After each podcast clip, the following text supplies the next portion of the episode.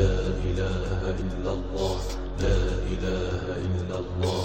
الملك القدوس السلام المؤمن المهيمن العزيز الجبار المتكبر الخالق البارئ المصور الوهاب أسرار وبركات ومعاني أسماء الله الحسنى. بسم الله والحمد لله وصلى الله وسلم على سيدنا محمد رسول الله وعلى آله وصحبه الطيبين الطاهرين ومن والاه. اللهم لا سهل إلا ما جعلته سهلا وأنت تجعل الحزن إذا شئت سهلا. اللهم ارزقنا الإخلاص في القول والعمل والنية. بركات أنوار أسرار رحمة خشوع عزة نصر هيبة ود وود. كل هذا وغيرها كثير. إن شاء الله تبارك وتعالى نذكره في هذا البرنامج الذي نتكلم فيه إن شاء الله عز وجل عن أسرار أسماء الله الحسنى لمن ذكر هذا الاسم أو هذا الاسم. وكذلك نبين المعاني بإذن الله تبارك وتعالى وننبه إلى أمور ونحذر من أشياء دست وافتريت على دين الله تبارك وتعالى. برنامج بإذن الله تعالى نتكلم فيه على أسماء الله الحسنى. فكل أسماء الله حسنى تدل على الكمال اللائق به تبارك وتعالى. فأسماء الله كثيرة لا تنحصر. لكن العلماء ذكروا كما جاء في الحديث عن رسول الله صلى الله عليه وسلم أسرار وخواص هذه الأسماء التسعة والتسعين التي وردت في حديث لرسول الله صلى الله عليه وسلم. قال صلى الله عليه وسلم إن لله تسعا وتسعين اسما. من أحصاها دخل الجنة. وفي رواية مئة إلا واحدة. من أحصاها دخل الجنة. ما معنى من أحصاها؟ قال العلماء المراد أن يحفظها عن ظهر قلب ويعتقد معانيها. لذلك إن شاء الله تعالى سنذكر في كل حلقة من الحلقات إن شاء الله اسما من أسماء الله عز وجل ثم نبين معناه ونذكر أسراره وما جاء في الأسرار والبركات والأنوار التي تحصل لمن يواظب على هذا الاسم بعدد أو بصيغة معينة جاءت عن علمائنا الكرام. وأسماء الله تعالى بأي لغة كتبت يجب علينا تعظيمها واحترامها ولو كانت بغير العربية. وأيضا يجب علينا أن نعظم هذه الأسماء فأسماء الله تدل على صفاته إلا لفظ الجلالة الله فإنه يدل على ذات الله الذي لا يشبه الذوات. الله سنتكلم على معناه إن شاء الله. هذا الاسم يدل على ذات الله الذي ليس كمثله شيء والذي هو تبارك وتعالى متصف بصفات. وأما إذا قلنا مثلا الرحمن فإنه اسم يدل على الرحمة. وإذا قلت القادر فإنه اسم يدل على صفة القدرة. وإذا قلت السميع البصير فإن هذين الاسمين يدلان على صفة السمع وصفة البصر. فكل اسم من أسماء الله يدل على صفة من صفات الله تبارك وتعالى. إلا لفظ الجلالة الله فإنه يدلنا على ذات الله حقيقة الله الذي لا يشبه الحقائق. ولله الأسماء الحسنى فادعوه بها. وذروا الذين يلحدون في اسمائه فنحن نذكر الله بالاسماء الوارده عن النبي عليه الصلاه والسلام أو في القران الكريم ولا نسمي الله تعالى باسماء من هوانا فقد قال الامام الاشعري ابو الحسن رضي الله عنه ما اطلقه الله على نفسه اطلقناه عليه. وما لا فلا. يعني إذا جاء في القرآن أو السنة الثابتة عن رسول الله عليه الصلاة والسلام أو أجمعت الأمة أن هذا من أسماء الله أو يطلق على الله فنحن نسمي الله تعالى به. وإلا فتنبهوا فإن بعض الناس يسمون الله رحمة أو يسمونه محبة أو يسمونه ريشة أو يسمونه والعياذ بالله قوة أو عقلا أو يقول بعض الملحدين عن الله الله العلة أو السبب. كل هذا لا يجوز بل هذا إلحاد في أسماء الله. الله يقول وذروا الذين يلحدون في أسمائه. اتركوا ابتعدوا عن الذين يحرفون معاني أسماء الله أو يحرفون أسماء الله أو يسمونه بما لا يجوز. فنحن لا نسمي الله رحمة وإنما الله متصف بالرحمة. لا نسمي الله محبة وإنما الله أمر بالتحاب فيما بيننا. لا نسمي الله تبارك وتعالى قدرة بل الله متصف بالقدرة القادر. لا نسمي الله قوة بل هو القوي ذو القوة يعني المتصف بالقدرة. وهكذا فإن الله تبارك وتعالى أوجب علينا تعظيمه وأوجب علينا أن نعظم أسماءه الحسنى. وهذه الأسماء المباركة احفظوها لله تبارك وتعالى فإن النبي صلى الله عليه وسلم كان يدعو الله تعالى بها. جاء في الحديث من جملة ما يقول عليه الصلاة والسلام أسألك بكل اسم هو لك سميت به نفسك أو علمته أحدا من خلقك أو أنزلته في كتابك أو استأثرت به في علم الغيب عندك. الله. يعني بعض الأسماء علمناها وبعضها نزلت في القرآن بعضها نزل على لسان النبي صلى الله عليه وسلم هو بلغنا إياه.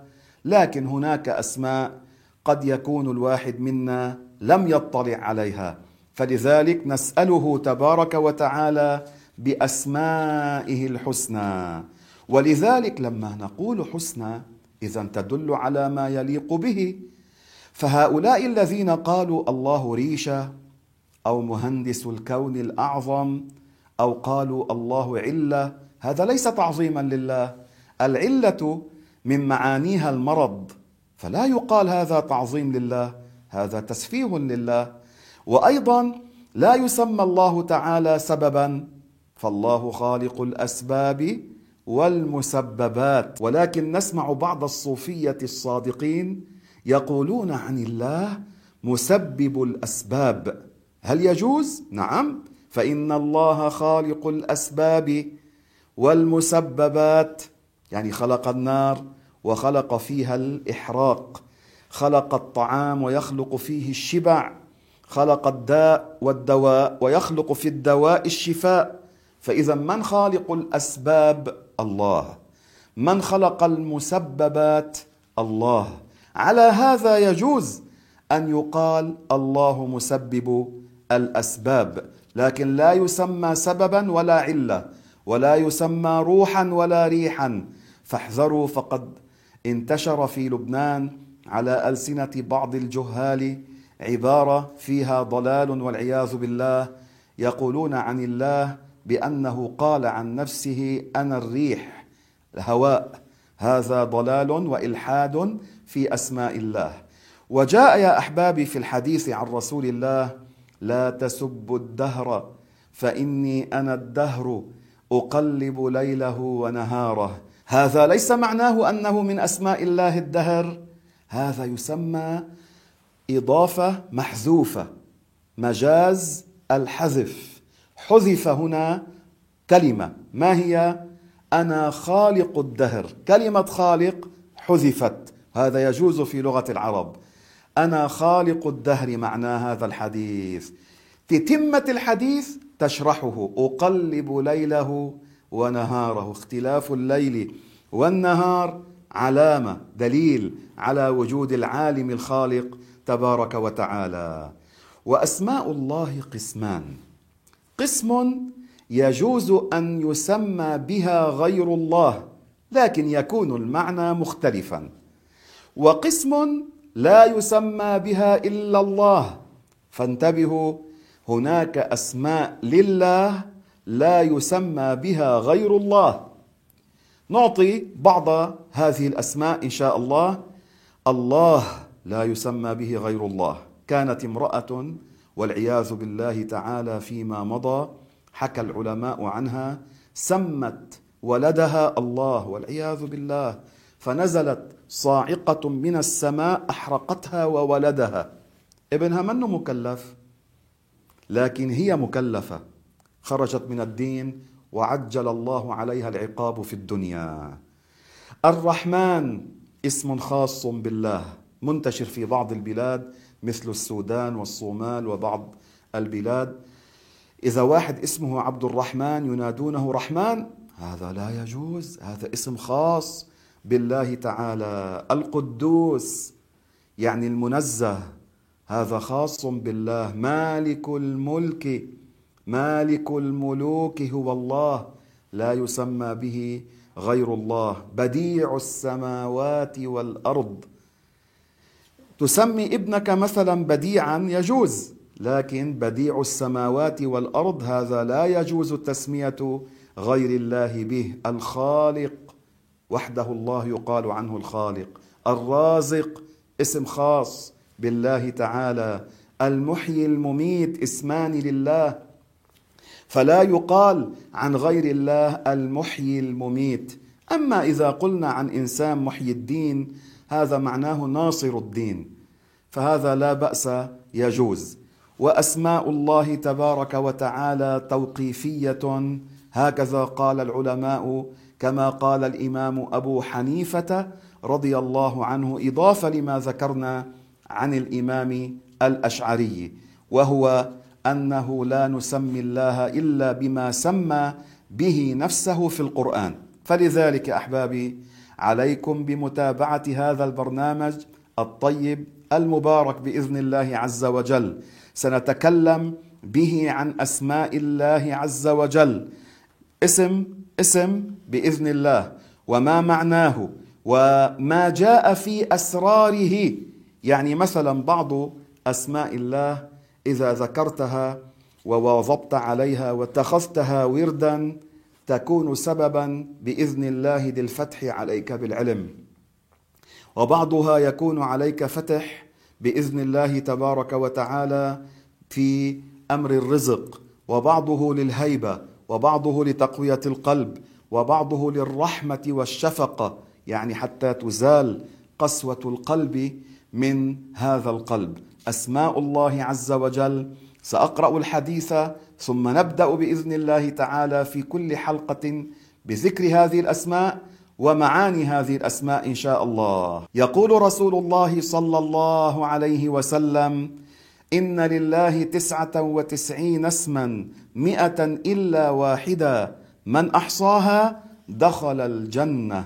فقال عليه الصلاة والسلام هو الله الذي لا إله إلا هو الرحمن الرحيم الملك القدوس السلام المؤمن المهيمن العزيز الجبار المتكبر الخالق البارئ المصور الغفار القهار الوهاب الرزاق الفتاح العليم القابض الباسط الخافض الرافع المعز المذل السميع البصير الحكم العدل اللطيف الخبير الحليم العظيم الغفور الشكور العلي الكبير الحفيظ المقيت الحسيب الجليل الكريم الرقيب المجيب الواسع الحكيم الودود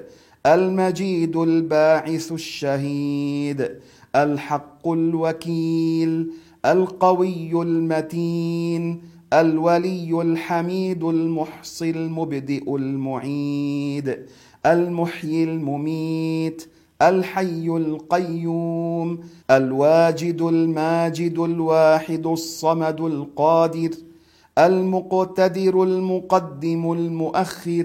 الأول الآخر الظاهر الباطن الوالي المتعال البر التواب المنتقم العفو الرؤوف مالك الملك ذو الجلال والإكرام المقسط الجامع الغني المغني المانع الضار النافع. النور الهادي البديع الباقي الوارث الرشيد الصبور. الله ينفعنا بأسمائه الحسنى. الله تعالى يا رب نسألك بأسمائك الحسنى. ما علمنا منها وما لم نعلم. أن توفقنا لما تحب وترضى. آمين. ومن يسمعنا وأن يستجيب دعاءنا بجاه كل من له جاه عند الله وبجاه أسمائك الحسنى يا الله. اللهم استجب. وآخر دعوانا أن الحمد لله رب العالمين. لا إله إلا الله لا إله إلا الله. أنا الملك القدوس السلام المؤمن المهيمن العزيز.